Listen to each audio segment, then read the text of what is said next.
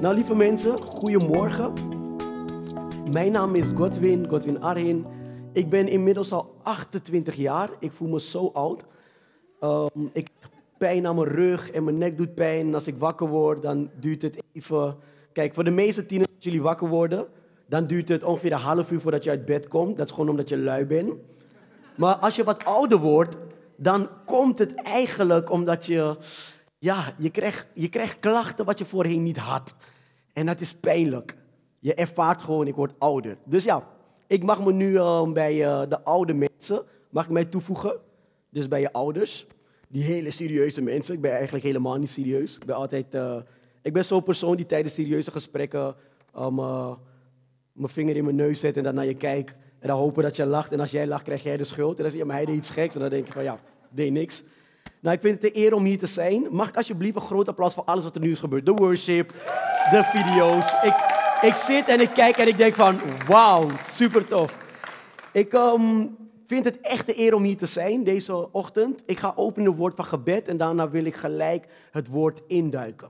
Heer Jezus, ik dank u voor deze mooie dag dat ik hier mag zijn. Vader, ik bid dat u mag spreken tot elke tiener die hier staat. Vader, ik bid dat u tot de harten mag spreken. En dat u alleen, o Heer Vader, kan doen wat u ook alleen kan. Heilige Geest, neem uw plaats. Um, ik bid, ga vooruit. Ik bid dat u de grond, de harten van de tieners en de mensen die thuis meekijken mag klaarmaken, zodat het woord op goed grond zal vallen in Jezus' naam. En ieder zegt? Amen. Nou, vandaag wil ik het hebben over een hele bijzondere gebeurtenis in de Bijbel. Weet je, toen ik een tiener was, ik ging de Bijbel lezen, had ik er vaak niet veel mee. Nu lees ik de Bijbel en ik denk van, wow, wacht even. Dat is gek.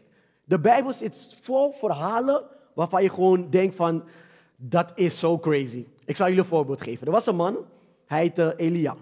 En Elia was een man die best wel, ja, hij deed wonderen. Hij deed gekke dingen en het gebeurde. En ik vond hem super tof. Maar op een gegeven moment komt hij ergens en hij komt in een dorp en hij vraagt aan een vrouw in het dorp. Hij zegt tegen die vrouw, mevrouw, um, ik heb honger. Ik wil eten. En die vrouw zegt tegen hem, moet je luisteren. Ik heb mijn laatste maaltijd voor mij en mijn zoon. En daarna zullen wij doodgaan. En hij zegt gewoon tegen haar, maak eerst brood voor mij. ik, ik lees het en ik denk van, wat een disrespect is dat. Stel je voor, jij hebt je laatste zakgeld, je koopt net een Happy Meal. Woe! Je had net genoeg voor... Of nee, nee. Je hebt iets meer zakgeld. Je koopt een uh, Big Mac menu, oké? Je koopt een Big Mac menu en je wilt het net gaan eten. Dan komt er iemand naar je toe, een volwassen man, die zegt... Um, ik heb honger. En je kijkt naar die persoon. Die persoon ziet er niet arm uit. Of die persoon ziet er niet uit alsof hij geen geld heeft. Die persoon draagt, draagt nog de nieuwe Jordans. En je denkt van, oké, volgens mij heb jij iets meer geld dan mij. Maar anyway, je zegt, dit is mijn laatste zakgeld. En ik uh, krijg over een jaar pas zakgeld weer. Dus uh, ik wil graag uh, mijn eigen McDonald's eten. En hij zegt gewoon tegen jou, geef het aan mij. En ik lees het en ik denk van, wat zou ik doen als ik die vrouw was? Waarschijnlijk had ik hem gezegd, wie denk je wel, kom even hier, wie denk je dat je er bent? Ik moet mijn laatste eten aan jou geven, ze heeft het gedaan. Maar dat zijn gekke verhalen die je in de Bijbel leest. Op een gegeven moment ben ik me aan het voorbereiden op het thema, wat als ik val? En ik begin te lezen, ik lees en ik kom een verhaal in de Bijbel tegen waarvan ik dacht van, wow, dit is echt super gek. Dit is nog, het, het is nog een grotere wonder dan als hij zijn middelbare school wel had gehaald met allemaal ene. Zo'n wonder is het. Het is, gewoon, het is gewoon echt ziek. En het verhaal staat in Matthäus, Matthäus hoofdstuk 14. Um, en het, het is bij mij getiteld als Jezus loopt op water. En dat vind ik eigenlijk helemaal niet zo interessant en zo gek. Want Jezus, hij was een coole guy. Jezus kwam ergens, iemand was ziek en hij zei, yo, genezen, genezen, genezen. En het gebeurde. Jezus was een man, hij kwam ergens en er was een menigte om hem heen en iemand raakte hem aan. En hij wie raakt mij aan? En er was een vrouw die 40 jaar lang eh, bloed vloeide en ze was opeens genezen. Hij was gewoon een hele coole guy. Dus hij kon dingen doen waar ik eigenlijk helemaal niet verbaasd van was. Maar dit verhaal speelt zich af. Op een gegeven moment, Jezus hoort dat een hele goede vriend van hem, Johannes de Doper, die is uh, vermoord. En hij wordt een beetje sip, hij werd een beetje droevig. Dus wat deed hij? Hij ging ergens om alleen te zijn. Maar omdat Jezus zo cool is, als Jezus vandaag de dag Instagram zou hebben, zou hij kapot veel followers hebben. Maar anyway, hij heeft dus heel veel mensen kijken naar hem. Jezus die gaat weg om ergens alleen te zijn en mensen zien hem. Je moet je voorstellen, stel je voor, eerlijk, eerlijk, je hoeft je niet te schamen. Wie hier is fan van Justin Bieber? Oké, okay, je hoort ja niet. Oké, oké, ik zie een paar. Oké, oké. Wie is fan van um, um, um, laat me even een hele goede persoon. Wie, van wie zijn jullie fan? Wie? Nick en Simon. Wauw, als Nick en Simon nu kijken, je hebt fans. Maar stel je voor dat voor hun twee, Nick en Simon, die lopen hier langs, oké? Ze zien hem en het eerste wat bij hun gebeurt is, oh my god, dat is Nick. En de ander zegt, oh my god, dat is Simon. En ze zeggen tegelijk, oh my god, dat zijn Nick en Simon. En ze rennen achter Nick en Simon aan, willen handtekeningen vragen. Maar misschien zijn Nick en Simon op dat moment een beetje droevig. En willen ze helemaal niet bij mensen zijn. Maar ja, deze twee jongens gaan naar hun toe en zeggen, yo, kunnen jullie even handtekening geven aan ons? En ze denken, whatever, we doen het. Dus Jezus die ging weg. En op een gegeven moment komen de mensen, want ze zagen hem en ze gaan naar hem toe. En hij kreeg medelijden met ze, zegt de Bijbel. En hij krijgt medelijden met ze. En hij praat met ze. Hij geneest mensen. En ze krijgen honger. De discipelen komen naar Jezus. Ze zeggen, Jezus, ze hebben honger. Um, we hebben geen eten. Jezus zegt, heeft een van jullie... Um, stuur ze niet naar huis, voed hun. Ja, maar Jezus, we hebben maar uh, een paar broodjes en een paar vissen. Jezus zegt, voed ze, breng het naar me. Hij bidt tot de Vader, hij begint uit te delen. Dus Jezus was in het begin heel droevig, maar hij geeft toch om mensen. Dus hij, hij dient tot hun. Op een gegeven moment zegt hij tegen zijn discipelen, ga jullie maar alvast en ik kom straks wel. Dus de discipelen die gaan in de boot en ze beginnen te varen. Ze varen en er was heel veel wind. En Jezus, hij is gewoon, hij is echt een smooth guy. Dus midden in de nacht dacht Jezus bij zichzelf, laat me eens even inhalen. Weet je toch iemand die altijd sneller dan je is? Ik weet niet hoeveel van jullie denken dat jullie snel zijn, maar als je wilt, mag je straks tegen me rennen. En daar ren ik achteruit. En geloof me, ik laat je achter. heb ik vaker geprobeerd en het lukt me. Maar Jezus die is zo'n coole guy. Dus die is zo varen en Jezus komt aanlopen zo op het water. En hij kijkt, ziet even een walvis. Hé, hey, alles goed? Ja, ja, met mij ook. Ja, ja. Wat doe je? Ja, ik loop even op het water. Ja, gewoon iets wat ik gewoon kan. En zijn discipelen die zien hem en ze beginnen te schreeuwen. Oh my god, het is een spook, het is een geest. Ze worden helemaal gek. En Jezus zegt, nee, nee, nee, tranquilo, rustig. Ik ben het. Jezus zegt tegen ze, ik ben het. En op eentje, eentje hij heet Petrus. Petrus was een beetje, was een beetje gek. Hij was, hij was niet helemaal honderd volgens mij. Hij was, hij was iemand die altijd deed wat anderen zeiden. Dus als, als iemand zei, oké jongens, we gaan met z'n allen in het, in het water springen. En je weet dat je het niet gaat doen. Petrus was de eerste die ging springen. En hij springt er gewoon in. Dus Petrus die ziet Jezus. En Jezus zegt, ik ben het. En Petrus zegt het volgende. Um, hij zegt in, in, in, Matthäus 14, vanaf vers um, 26. Zij schreeuwden van angst en dachten dat het een spook was. Hij stelde hen gerust. Wees maar niet bang, ik ben het. Petrus riep, Heere, als u het werkelijk bent, zeg dan dat ik over het water naar u toe moet komen. Kom maar, riep Jezus. Petrus stapte uit de boot en liep op het water naar Jezus toe. Maar hij besefte ineens dat er een hele harde wind stond. De schrik sloeg hem op het, om het hart en hij begon te zinken. Heere, help mij, schreeuwde hij. Jezus stak hem zijn hand toe en trok hem uit het water.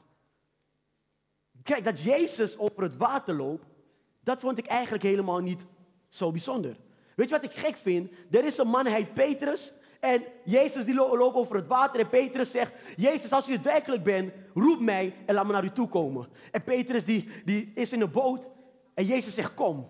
En Petrus die gaat staan. Hij zet zijn eerste stap. En ik dacht bij mezelf, oh my god, die Petrus is gek. Hij gaat en hij staat.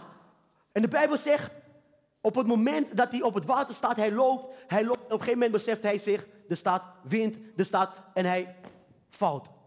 En het deed me een beetje denken aan, aan mezelf. Kijk, hij blijven zitten op in, de, in de middelbare school, maar ik moet je zeggen. Ik kwam als een kind van zes kwam ik in, in Nederland. En ik sprak de Nederlandse taal sprak ik helemaal niet. Dus op een gegeven moment probeerde ik het. Ik zeg, weet je, ik ga het maar doen. Ik ga en ik zal het proberen en het zal, het zal me lukken. En ik merk, ik val. En ik word wat ouder, ik word een tiener. Ik denk, weet je, ach, die middelbare school, I got this. Ik heb het, het is heel makkelijk, het lukt me wel. En uiteindelijk, moest ik mijn veten strikken, kwam ik weer op een punt waarvan ik dacht van, weet je, dit lukt mij. Het staat in de Bijbel, Gods woord zegt het. Mijn oma zegt me iedere keer, God zal het doen. Dus ik probeer, ik ga het weer doen. Ik begin te lopen, eerlijk, ik moet zeggen, ik vind dit doodeng. Anyway, ik begin te lopen, ik loop, ik loop en net wanneer ik denk dat ik er ben, val ik weer. En ik lees het verhaal en de Bijbel zegt dus, Petrus, die viel in het water. En hij valt in het water en hij begint te schreeuwen. Hij zegt, Jezus, help mij, help mij. En wat zegt de Bijbel? De Bijbel zegt dat op het moment dat hij in het water was, stak Jezus hem zijn hand uit. En het moeilijke wat ik vond toen ik het ging lezen was dat Jezus was daar met Petrus. Hij was met hem. Dus Jezus kon Petrus heel makkelijk helpen. Maar ik vroeg aan God, hoe kan ik in het leven, als ik nu loop, ik kan schreeuwen om Jezus, Jezus help, help! Maar ik heb niet het gevoel dat ik die steun heb wat Petrus had. Dus dan ga ik door het leven en ik, ik, ik, ik word wat ouder. En op een gegeven moment kom je in de klas met mensen die zichzelf veel beter, veel mooier, veel aantrekkelijker, veel sterker vinden dan jou. En je begint te merken dat je begint te twijfelen aan jezelf. En ik kwam op een punt in mijn leven waar ik eigenlijk helemaal niet blij was met wie ik überhaupt was. Ik vond mezelf niet mooi. Ik kon mezelf niet in de spiegel aankijken en zeggen, God, je bent mooi. Want ik had zoveel mensen die tegen mij zeiden dat ik niet mooi was, dat ik daaraan begon te twijfelen. Dus net als Petrus probeerde ik te lopen op het water wat ik, wat ik leven noem en, en het ging maar niet. Iedere keer ging ik naar beneden. En ik hoorde over God. Ik had gehoord over de wonderen die Jezus deed en ik kende de Bijbel, maar er was nog steeds iets wat bij mij helemaal niet compleet was. En dan word je ouder en je groeit en die twijfels blijven. En ik zeg, maar God, ik wil op het punt komen dat u mij bij de hand kan nemen. Dat deed u ook bij Petrus. En God zegt tegen me, maar Godwin, dat doe ik toch? Ik zeg, nee, dat doet u niet. En ik, mijn gesprek met God, ik heb altijd eerlijk gesprek met God, ik word soms boos. Ik zeg tegen God, nee, dat doet u niet. Ik snap het niet. En God zegt, jawel, je moet goed kijken. Ik zeg, ik kijk goed. En toen zei God het volgende. Ik wil vragen aan, um, ben je naam weer kwijt? Maarten, had ik er nog een vraag aan Maarten? Mag ik applaus voor Maarten? Je moet je voorstellen dat op het moment dat Jezus met Petrus was, weet je, Maarten die is een man en hij heeft een tijdje met God gewandeld. Niet een, kleine, niet een klein beetje, een lange tijd. Hij kent Jezus. Dus Jezus is zijn hart. Dus op het moment dat ik God vroeg, God, hoe kan ik Jezus vragen bij mij te zijn? Hij zegt, ik heb je geholpen, Godwin. Er zijn mensen om je heen die mij kennen, die net als mij zijn, die willen je helpen. Maar het enige wat je moet doen is, je moet om hulp vragen. Dus ik zeg, God, oké, ik wil het leren, God. En ik was als een tiener en ik had dan geen Maarten in mijn leven, maar ik had een andere tienerleider in mijn leven. En ik zei, help mij. Help mij alsjeblieft. Maarten, help mij. En ik begon te merken, hoe makkelijk is het dat elk obstakel waar ik eigenlijk nooit doorheen kon komen, iedere keer dat ik maar simpelweg iemand had die mijn hand vasthield, begon ik te merken, hé, hey, het kon. Iedere keer dat ik twijfelde aan mezelf, zei God tegen mij, Godwin, ik heb mensen die kunnen helpen, maak je maar niet druk. En ik begon mezelf beter te vinden, mooier te vinden. Hé, hey, alles wat ik over twijfelde, kon ik doen. En weet je wat het mooie is? Toen Jezus Petrus uit het water had gehaald, toen liepen ze terug naar de boot. Met andere woorden, Jezus heeft Petrus niet opgetild en gezegd, ik draag je wel leven. Hij zei, nee, ik ga je leren hoe jij over die obstakels moet komen. God zei tegen mij, Godwin, ik ga je leren hoe je angsten overwint. Oh, je bent bang om uit te stappen. Ach, vraag of ik je hand kan vasthouden. Jezus, help mij. Maar u bent er niet. Wacht even. Marten, help mij. Oh, hij is er. Dus ik kan hier lopen en ik kan ik kan erop dansen als ik wil. Waarom? Ik heb een zekerheid. Het maakt niet uit welke beweging ik maak, dat Maarten mij ondersteunt. Het maakt het veel makkelijker om te gaan. En dan ga je. En dan kan je ook nog zeggen, weet je, ik herinner me nog een tijd waar ik het echt niet zag zitten. En ik dacht van, God, u moet me echt helpen. God, ik zit in een vorm van een depressie, ik denk aan zelfmoord. God, u moet me helpen. En God zegt, hé, hey, ik ben er voor je. Maar iedere keer dat je moet uitstappen, ben je bang. Waarom? Jij bent gewend dat je steeds valt. Maar hé, met de Maarten aan je, aan je zijde, die Jezus kent, die zal jou kunnen helpen over al die twijfels en al die angsten. En ik kan me voorstellen, mag ik alsjeblieft een groot applaus voor Maarten? En ik kan me voorstellen, Petrus, die wordt geholpen door Jezus. Hij overwint een aantal dingen. En hij loopt terug. Hij komt terug in een situatie waar hij voorheen zat en heel bang was. En de Bijbel zegt, op het moment dat ze de boot instapten, kwam er op dat moment in ene rust. Het was ineens rustig. De wind ging liggen, water was stil. En dat liet mij zien dat op het moment dat wij Jezus vertrouwen en Hij in ons leven stapt, dat alle omstandigheden zullen veranderen. Weet je, velen van jullie denken nu, oh wat praat je goed. Ik, ik, ik was geen spreker. Ik was echt bang om voor mensen te praten. Waarom? Ik wist niet waarom ik een boodschap had om aan mensen te geven. En weet je wat God zei? Je wordt een spreker. En ik zeg, God, dat word ik niet. En hij zei, ik ga je sturen naar plekken. Ik zeg, God, dat gaat u niet. Dus op een gegeven moment merkte ik dat iedere keer dat ik daarvoor waarvoor ik een angst had en een twijfel had, dat God zei, dat ga ik juist doen. Maar het mooie is, ik hoef het niet zelf te doen. Want hij zei, ik, heb, ik ben bij je. Ik heb iemand naast je gezet en ik ga die stappen nemen. En weet je, in deze tienerfase waarin je zit, zal er heel veel zijn waar je aan zal twijfelen. Het zal aan jezelf kunnen zijn, het zal je gedachten kunnen zijn, het zal aan je prestaties kunnen zijn. En je zal jezelf de schuld blijven geven van zoveel dingen. Weet je wat mooi is aan de kerk? Weet je wat mooi? Ik hoorde net in de video dat iemand zei van ja, ik kom gewoon. Niet omdat ik het wat vind, maar ik kom gewoon. En dat is ook gewoon wat je moet doen. Gewoon komen. Het maakt niet uit of jij hoort van, oh, dit is gebeurd toen je er niet was. Dat is gebeurd toen je er niet was. Nee, kom. Waarom? Op het moment dat je komt, ga je leren dat er een tijd komt. En dat is zo'n geweldige tijd. Ik herinner me nog toen ik mijn leven aan de Heer gaf. Dat ik simpelweg zei, Heer Jezus, kom in mijn hart. En doet u wat u alleen niet kan. Wees mijn Heer, wees mijn redder en ik geef me over aan u. Het was niet alsof de hemel open ging en God scheurde de, de wolken op en hij zei, Godwin, ik heb je gehoord, ik ben er. Ik weet trouwens niet of God zo klinkt, in mijn hoofd altijd, ik ben er. Nee, dat was het niet. Ik ging naar huis en ik voelde eigenlijk helemaal niets. Maar wat heb ik gedaan? Geestelijk stapte ik uit het water. En terwijl ik uit het water stapte, heb ik momenten gehad dat ik viel. Ik heb momenten gehad dat ik zei, God, ik wil rein met uw leven. Maar toen werd ik verslaafd aan pornografie. En dan is de vraag, hoe kom je daar vanaf? Ik zeg, God, ik wilde het niet. Wilt u me helpen ermee? God zegt, ja, ik wil je ermee helpen, maar je moet uit het water stappen. Je moet uit, uit het boot stappen en op het water gaan lopen. Dat betekent letterlijk, je moet God gaan vertrouwen en alles durven loslaten. Alles durven loslaten. En dat is zoiets engs voor ons als mensen. Want we hebben altijd houvast nodig. We willen zekerheid hebben.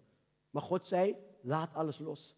En toen, toen, ik begon te leren alles los te laten, mijn twijfels, mijn angsten, mijn verslavingen, mijn onzekerheden, toen begon God te zeggen, hé, hey, nu kan ik het werk voor je doen.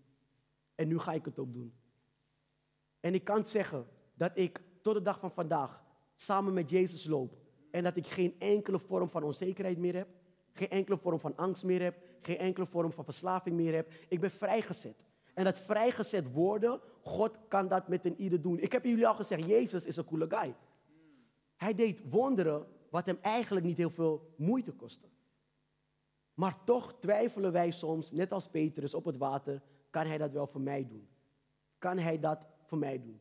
Is leuk dat hij het voor mijn buurman doet, maar kan Jezus dat ook voor mij doen? En ik geloof deze ochtend dat Jezus zegt, ja dat kan ik voor jou doen en dat ga ik voor jou doen. Maar hij zegt, durf jij uit te stappen? Durf jij uit te stappen uit je boot? Ik wil ieder vragen en daarmee ga ik afsluiten die in de zaal zit of thuis zit, die meeluistert. En die zegt van, hé, hey, ik zit in mijn boot en het waait en er is, heel, er, is storm. En ik wil Jezus eigenlijk vragen om samen met mij terug te lopen naar mijn boot, naar mijn leven. Als ik hier wegga, als ik straks uitlog, dan wil ik dat Jezus met mij meegaat, want dan brengt Hij die rust. Dan brengt Hij rust in dezelfde situatie wat ik voorheen had. Terwijl ieder die hier zit zijn ogen sluit en zijn hoofd buigt, wil ik een hele belangrijke vraag stellen. Het is best wel een vraag wat heel dichtbij kan komen. Want het is een vraag wat je eigenlijk terugbrengt naar een spiegel voor jezelf. En daarom vraag ik je ogen te sluiten, want het is een moment tussen jou en God. Het is een moment waar God voor jou een werk zal doen binnen in jouw hart.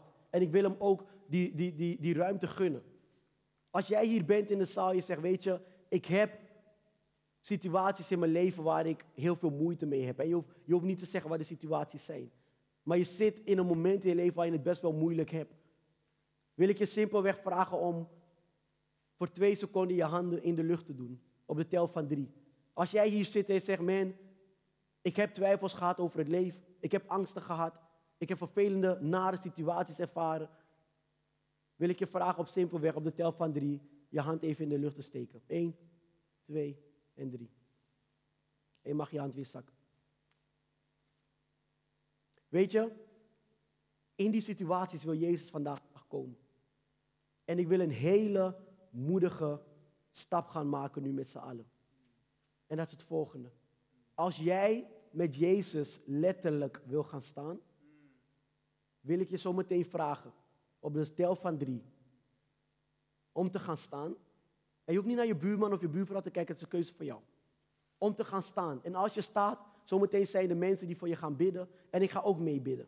Maar als je gaat staan, maak je eigenlijk de keuze, net als Petrus die in het water was en hij was aan het wegzakken. En hij zei, Jezus, help mij, help mij. En de Bijbel zegt, Jezus reikte hem zijn hand uit en hij trok hem uit het water. Met andere woorden, Petrus ging weer staan.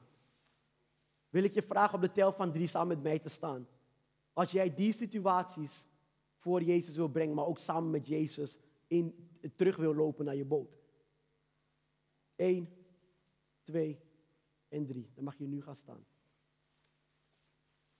En terwijl je staat wil ik je vragen, sluit je, hou je ogen gesloten, hef je handen op, waar je ook staat op dit moment.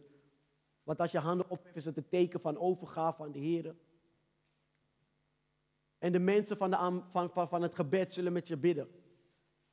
Maar het is een keuze die je vandaag de dag maakt om te zeggen, Heer Jezus, ik weet dat ik onzekerheden heb, ik weet dat ik twijfels heb, ik weet dat ik angst heb, ik weet dat ik aan dingen vastzit, maar ik wil u vragen, help mij en loop met mij terug. En Jezus, ik geef mij over. Ik heb niks te verbergen.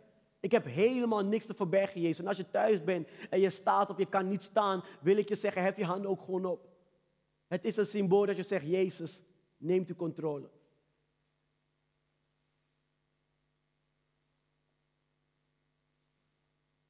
En voor ieder die staat, ik wil met jullie bidden. Maar ook voor ieder die zit en die misschien wel met die gedachten zit en een beetje bang is, want wat zullen anderen over mij denken? Ik wil ook met jou bidden. Heer Jezus, ik wil u vragen deze ochtend. Vader, dat een ieder die heeft geluisterd naar het woord en die zit met een twijfel of die zit met de angst of die zit met onzekerheid. Vader, ik wil u vragen of u in hun hart op dit moment een werk kan doen. Vader, ik bid dat u zoals Petrus met Jezus op het water liep en vader, zoals ik net liep, op de banken. Vader, ik bid in de naam van Jezus dat u ons mag leren dat wij over die angsten kunnen stappen als u met ons bent. Vader, ik bid voor die momenten in hun leven, Vader, of ze nou thuis zijn of hier zijn. Vader, de, die enge momenten, die, die twijfels, die onzekerheden. Vader, ik bid dat u met ze mag zijn op die momenten. Ik bid dat u terug mag lopen met ze. Dat als ze vandaag na de dienst weg zullen gaan. Vader, dat ze zullen ervaren dat er iets nieuws is. En dat, dat u bent. Dat, dat, dat, dat u in hun bent, o Heere Vader. Dat uw geest een werk doet als nooit tevoren in hun levens. Vader, ik bid voor ieder die misschien met zelfmoordgedachten staat. Dat ze zullen verdwijnen in Jezus' naam. Vader, ik bid voor ieder die zichzelf niet mooi vond. En die depressief is. Vader, ik bid dat het zal verdwijnen in de naam van Jezus. Vader, ik bid voor ieder die aan alles wat ze doen, o Heere Vader. Maar blijven twijfelen en onzeker zijn. Ik bid dat het zal verdwijnen in de naam van Jezus. Want Heer Jezus, u bent de God die wonderen doet. Vandaag de dag nog steeds. Bid ik in Jezus' naam. En terwijl ieder zijn ogen gesloten had, mag je er weer bij gaan zitten. En dan wil ik je vragen om Jezus een hele grote applaus te geven deze ochtend.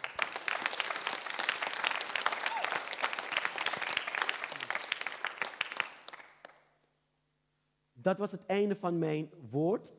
En als jij straks nog vragen hebt, als je nog uh, met iemand wil praten, het zijn aan me, voor mij is het links, voor jullie is het aan je rechterhand, zijn de mensen van het gebedsteam. Ga alsjeblieft naar ze toe. Onderschat kracht van gebed niet.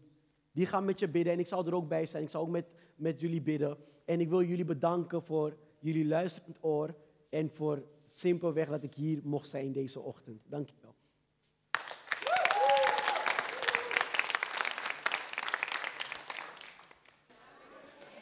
Nou, ik hoop dat jullie wakker zijn. We hebben nu een Q&A met Godwin, dus uh, de eerste vraag is, is God er als ik val voor mij? Um, is God er als ik val voor mij? Ja, zeker. Het is, een, um, het is gek, want als je door de Bijbel heen kijkt, is um, God er altijd geweest voor zijn, uh, voor zijn mensen, voor ons als mensen. en het mooie is dat wij als mensen verraden God best wel vaak. Eigenlijk altijd, elke dag. En iedere keer is God er weer opnieuw en opnieuw en opnieuw. En hij zal dat ook blijven doen, want hij houdt van ons. En zijn liefde is, ja, het is zo, zo groot dat hij dat ook gewoon blijft doen. Dus hij wel. God is, God is er wel voor je als je, als je valt. Uh, hoe vaak mag ik vallen? Zo, hoe vaak mag je vallen? Dat is een hele goede vraag. Um, hoe vaak mag je vallen? Eigenlijk, de, de, God is, een, is degene die zal oordelen uiteindelijk. Um, dus dat is ook aan hem. Ja, als mens kan ik jou niet zeggen, nou weet je wat, uh, vandaag mag je drie keer vallen. Morgen twee keer, want drie keer vind ik echt heel veel. En dan mag je, um, overmorgen mag je nog maar één keer vallen. Weet je, wij hebben als mensen altijd verwachtingen. En God die kent ons persoonlijk. En hij is degene die uiteindelijk een oordeel zal, zal, zal geven aan alle mensen. Dus hij is ook degene die dat zal invullen. Dus voel je vooral niet heel stom of heel dom op het moment dat je weer bent gevallen. En dan denk je van, ach, ehm, dit keer zei ik dat ik zou leren. Heb ik niet gedaan, heb ik weer onvoldoende gehaald. Wat ben ik toch dom. Weet je, dan ga je zelf echt oordelen over jezelf. Terwijl je niet eens weet of God tegen jou zegt, nou, maar ik vond het eigenlijk helemaal niet zo erg, want ik ben hier nog steeds voor jou. Is er al een vraag hier in de zaal of thuis? Ik heb wel een vraag. Mag dat? Ja. Ehm, ik ben eigenlijk wel benieuwd, hoe herinner jij jezelf eraan dat God er is als je valt? Wat doe Oh, je daarvoor? Dat is een hele goeie. Hoe herinner ik mezelf eraan dat God er is als ik val? Ehm, weet je, op het moment dat je het gevoel hebt dat je iets fout hebt gedaan, dan lijkt het alsof God in ene heel ver van je staat. En alsof hij er helemaal niet is voor jou. Ehm, en dat gevoel ken ik, want dat gevoel heb ik heel vaak gehad. Dat ik dan opeens denk van, oh maar, ehm, omdat ik dit heb gedaan, wow, dan zal God er echt niet meer voor mij zijn. En ik herinner me er eigenlijk aan door constant toch naar God te roepen en toch naar de kerk te gaan. Ik denk dat dat een hele belangrijke in mijn leven is, omdat ik in de kerk steeds word herinnerd aan zijn goedheid en zijn liefde en dat hij er ook gewoon is. En dan ervaar je ook zijn aanwezigheid. Ehm, en dat, dat ervaar je zelf op dit moment, dat God er gewoon is. En dat is zo mooi, want uh, dat, dat, dat brengt je steeds terug bij oké, wie God is. En dan lees ik ook Bijbelverhalen en dan zie ik wat de mensen in de Bijbel deden. Dan dacht ik van wauw, dat God nog steeds voor de mens is. Dat zegt gewoon heel veel over wie hij is. En zo herinner ik mezelf er constant aan. Cool. Eh, we hebben nog een vraag. Kan God mij nog gebruiken als ik val? Wauw, dat is echt een hele mooie. Um, ik geloof van wel. Waarom? Omdat als mens zijn wij, God geeft ons talenten. Mag ik even vragen, hoeveel van jullie kunnen zingen? Zwaai naar me. Ja, hoeveel van jullie denken dat je kan zingen? Dat kan natuurlijk ook, hè? Oké. Zijn er ook mensen die eigenlijk kunnen zingen, maar volgens je vrienden en vriendinnen kan je zingen, maar jij vindt zelf van niet? Ja, ik zie, ja, zie zelf dat er een beetje vingers worden gewezen. Op het moment, dat, dat is ook een hele mooie, op het moment dat je zingt of je danst of je hebt het talent, is het vaak ook niet voor jou. Je gebruikt je talent niet voor jezelf. Het is niet, oh my god, kijk, ik kan heel goed zingen. Ik ga elke dag in de badkamer voor de spiegel zingen voor mij en ik ga concert geven aan mezelf. Nee, je droomt altijd van wat grote zalen, voor publiek zingen, omdat je begrijpt dat je talent niet voor jou is. Dus God geeft jou ook bepaalde talenten en gaven niet voor jezelf. En het zou heel egoïstisch zijn als we dat niet meer zouden gebruiken. Of als God zou zeggen, nou weet je wat, um, ik skip jou en ik ga met jou door. Jou mag ik niet, jou mag ik wel. Eigenlijk is hij heel genadevol. En dan zegt hij, weet je, omdat er nog velen zijn die gered moeten worden, zal ik je gebruiken. maar hij houdt zoveel van ons dat hij niet wil dat we zo blijven zoals we zijn of voorheen waren. Dat hij graag wil dat we veranderen, zodat we nog meer door hem gebruikt kunnen worden. Ja. Uh, wie is te vertrouwen als ik val? Wie is te vertrouwen als je valt? Nou, ik weet niet of je ooit een geheim hebt verteld aan een vriend of vriendin. En die geheim is opeens bij iemand gekomen. Hij heeft me trouwens een geheim van jou verteld, maar... Je, je hebt soms momenten dat je iemand iets vertelt en dan komt het toch bij iemand anders. En dan ben je, is je vertrouwen geschaad en dan soms schaam je of vind je het heel vervelend. Uh, maar er zijn genoeg mensen die wel te vertrouwen zijn. En als ik simpelweg zal zeggen, kijk om je heen. Jullie hebben hele toffe tienerleiders. Um, jullie hebben echt tienerleiders die, die, je, die je kan vertrouwen. En dat is voor mij een van de eerste bronnen waar ik altijd ook tegen mijn tieners zei... als ik je tienerleider ben, kom naar me toe. En ik ging ook altijd naar mijn leiders, maar ook naar mijn ouders. En soms wilde ik mijn ouders, voor mij was het dan mijn oma, want ik ben door mijn oma opgevoed. Soms wilde ik mijn oma dingen niet te vertellen, maar ik wist wel dat ze te vertrouwen was. Um, en ik wist ook dat mijn leiders te vertrouwen waren. Dus um, als die vraag moet beantwoorden voor jullie, zou ik zeggen: kijk daar in de hoek, heb je al je prachtige tienerleiders die daar zitten. Ga naar een van hun en um, ga met diegene praten. En ga die drempel over. Want als je eenmaal die drempel over bent, wordt het een stuk makkelijker. En geloof me, je tienerleider oordeelt je echt niet. Je zou denken: oh, wat ik heb gedaan is niet zo slecht. En als dat denk ik ben gek, geloof me, hij is gekker. Hij is echt heel gek. Hij heeft echt hij heeft hele gekke dingen gedaan. Waarvan je zou denken, hmm, mag dat mijn tienerleider? Maar omdat hij ook weet wat hij wel en niet mag doen, kan hij je daarin echt wel leiden. Dus ik zou zeggen, ja, ren naar hem toe na de dienst. En stalk hem. Stalk hem elke dag. Oké, bedankt. Is er nog een vraag?